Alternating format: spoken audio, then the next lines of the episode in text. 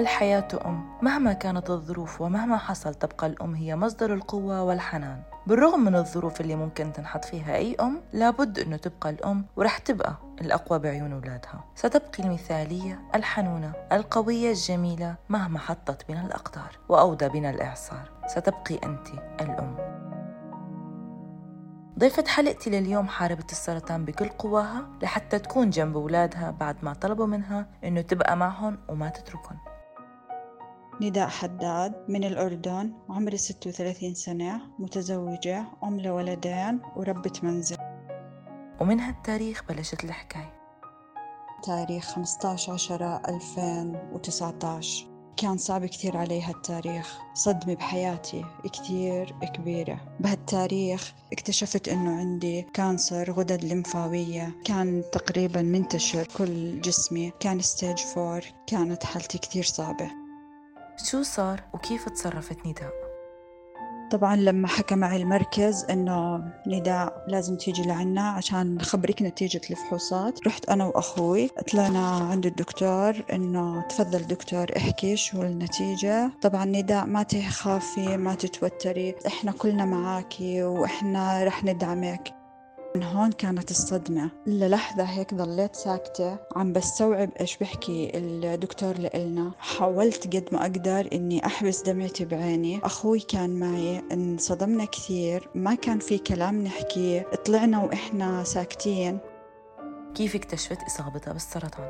كان يصير عندي أعراض كثير قوية قبل ما أكتشف المرض. كنت أتعب تعب شديد ودايما أحس جسمي تعبان ويصير عندي أعراض ثانية. اللي كنت أعمل فحوصات دورية كانت تكون الفحوصات شوي مخربطة. كنت أعمل صور واحد من الصور بين فيها إنه في شوية غدد لمفاوية في الجسم. حكت لي الدكتورة نداء لازم تطلبي إن أعمل لك تحويل لمركز الحسين هناك بكون علاجك أفضل. طبعا هي لما حكت لي هذا الإشي أنا استبعدت إنه إنه ممكن إنه يكون عندي cancer لا أنا راح أضل تأملي إنه أنا ما عندي إشي. هي مجرد غدد طبيعية راح تكون وراح يكون لها علاج وما راح تكون cancer لما عرفت النتيجة نداء كان لازم تخبر أهلها وزوجها.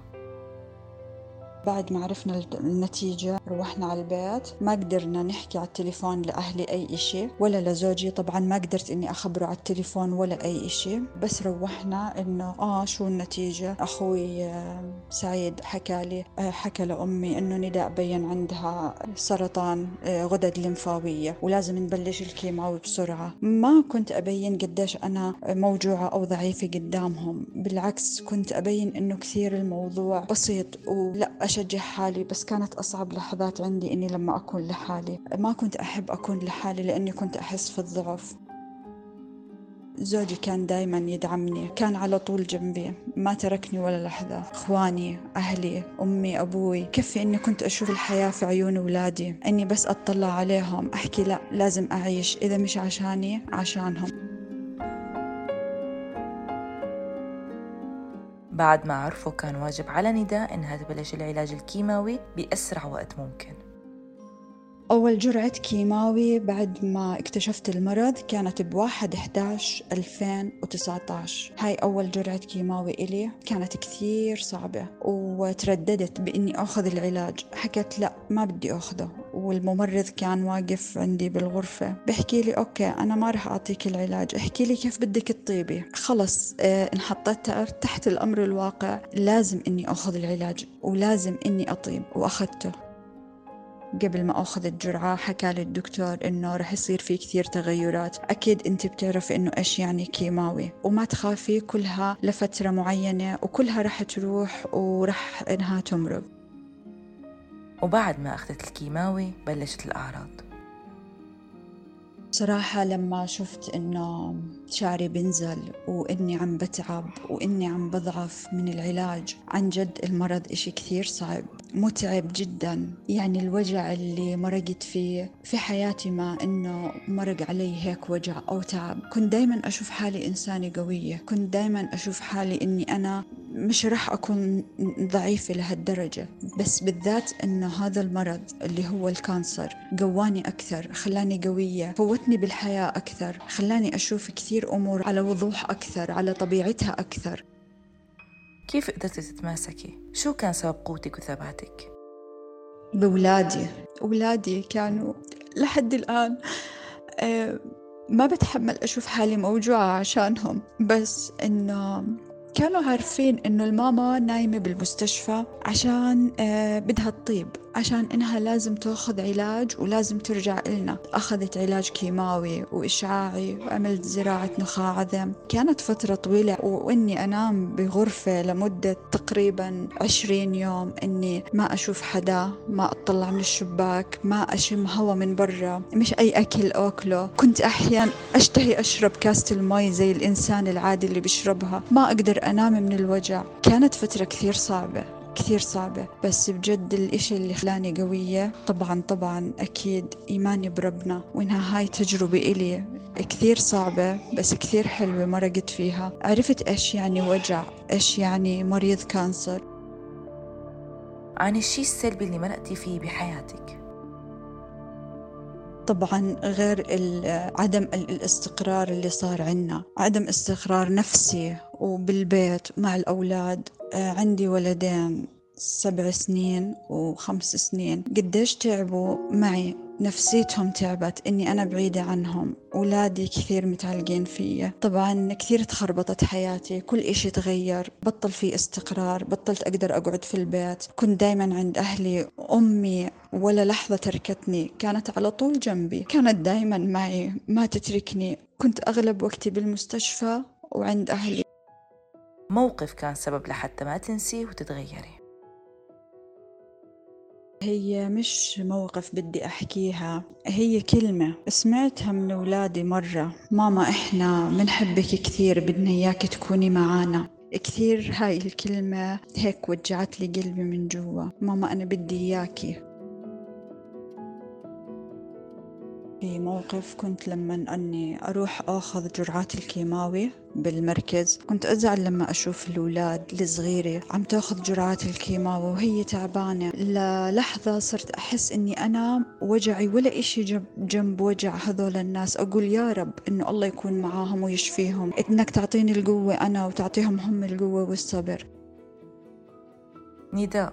خبريني لو كنت خلال هالفترة تعرضتي للتنمر أو فينا نقول لمواقف سلبية من أشخاص بالمجتمع اللي حواليك بصراحة هي مواقف أحيانا كانت تصير إنه مرض السرطان مش عيب أو إجمالا المرض مش عيب. هاي تجربة من ربنا لكل إنسان في حياته بغض النظر بالمرض بصعوبة حياته في إشي ممكن يمرق معاه أي إشي مختلف عن الثاني هو بيكون تجربة لكن هو مش عشان يشفق عليه الآخر أو إنه أطلع في عيون الثانيين إنهم شفقانين علي لا آه، التعاطف غير إنك تكون أنت شفقان على الثاني ومرض السرطان ما بعدي كنت أحس بعض الأشخاص إنهم ممكن إنهم بنفروا مني أو إنهم بعدوا عني. كنت أتضايق من هذا الإشي رغم إنه كنت لما أشوفه أبعد عن المكان اللي ممكن يسبب لي هذا الشعور اللي إني أكون زعلانة مثلا أو إنه ما ما أظل موجودة في هذا المكان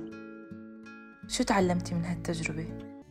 الصبر والقوة والإصرار والثبات إنه بدي أوصل وبدي أصير ولازم وما في إني أكون يائسة لا بالعكس آه، لازم يكون الواحد قوي وصبور وأهم إشي الإيمان. وعن هدفك احكي لنا. هدفي في الحياة الإصرار والثبات للوصول للإشي اللي بدي إياه. مش بس بحياتي لا علمت هذا الإشي لأولادي. لازم نكون مصرين ماما لما بدنا نصل لإشي معين. كانوا فاهمين إيش يعني المرض اللي أنا فيه. طبعا هم أطفال ما كانوا يعرفوا إيش تفاصيله. بس كنت أحكي لهم ماما إنه آه، الشغلات اللي بتصير معي مثلا من العلاج اللي كنت أخذه عشان أطيب عشان أصير منيحة عشان أرجع لكم. شو هي الرسالة اللي بتحبي تقدميها لمحاربي السرطان واللي عم يسمعوكي؟ لكل حدا مريض سرطان لازم انت تكون قوي صبور تهزم المرض شو ما كان الوجع نتحمله نتخطى هاي المرحلة مع بعض ورغم علاجه الصعب لازم نكون نحن أقوى وهلأ ما صار الوقت لتخبرينا عن تاريخ إنجازك؟ أحلى تاريخ عندي كان بتسعة وعشرين ثلاثة ألفين وواحد وعشرين لما حكى معي الدكتور نداء إلك موعد عنا بالعيادة عشان بدنا نخبرك عن نتيجة الصور اللي عملتيها. أوكي ماشي طبعا رحت على العيادة. تفضل دكتور احكي أنا أنا عندي طاقة إيجابية وجاية أسمع منك أخبار حلوة طبعا كنت أحكي له دايما هيك أنا جاية وعندي طاقة إيجابية بدي أسمع أخبار حلوة. بحكي لي مزبوط رح أسمعك أخبار حلوة. الحمد لله أنت ما عندك أي إشي من المرض. جسمك شوفي تماما من السرطان. الصورة منيحة ونظيفة تماما وخالية من كل إشي. إنه صرت أبكي والحمد لله يا رب نشكر الله. ردة فعلي كانت كثير قوية جدا. قدام الدكتور. أنت متأكد؟ هيك أحكي له. أنت متأكد إنه ما في ولا إشي؟ متأكد؟ خلينا نعيد الفحوصات. أرجع أحكي له. بحكي لي لا أنت ما عندك خلص أي إشي. جسمك نظيف. آه يا دكتور معلش نرجع نعيد الفحوصات مرة ثانية. نتأكد أكثر. ما هو كان عندي خربطة فحوصات نرجع نعيدها مرة ثانية. خلينا نتأكد.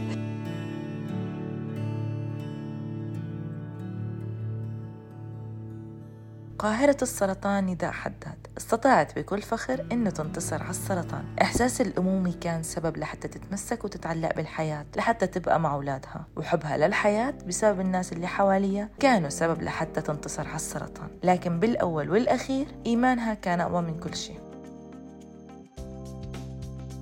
هاي كانت حلقتي لليوم من بودكاست حكايتي مع السرطان. كنت معكم أنا غيداء مراد أغا. استنونا بأمل جديد وحكاية أمل جديدة. سلام.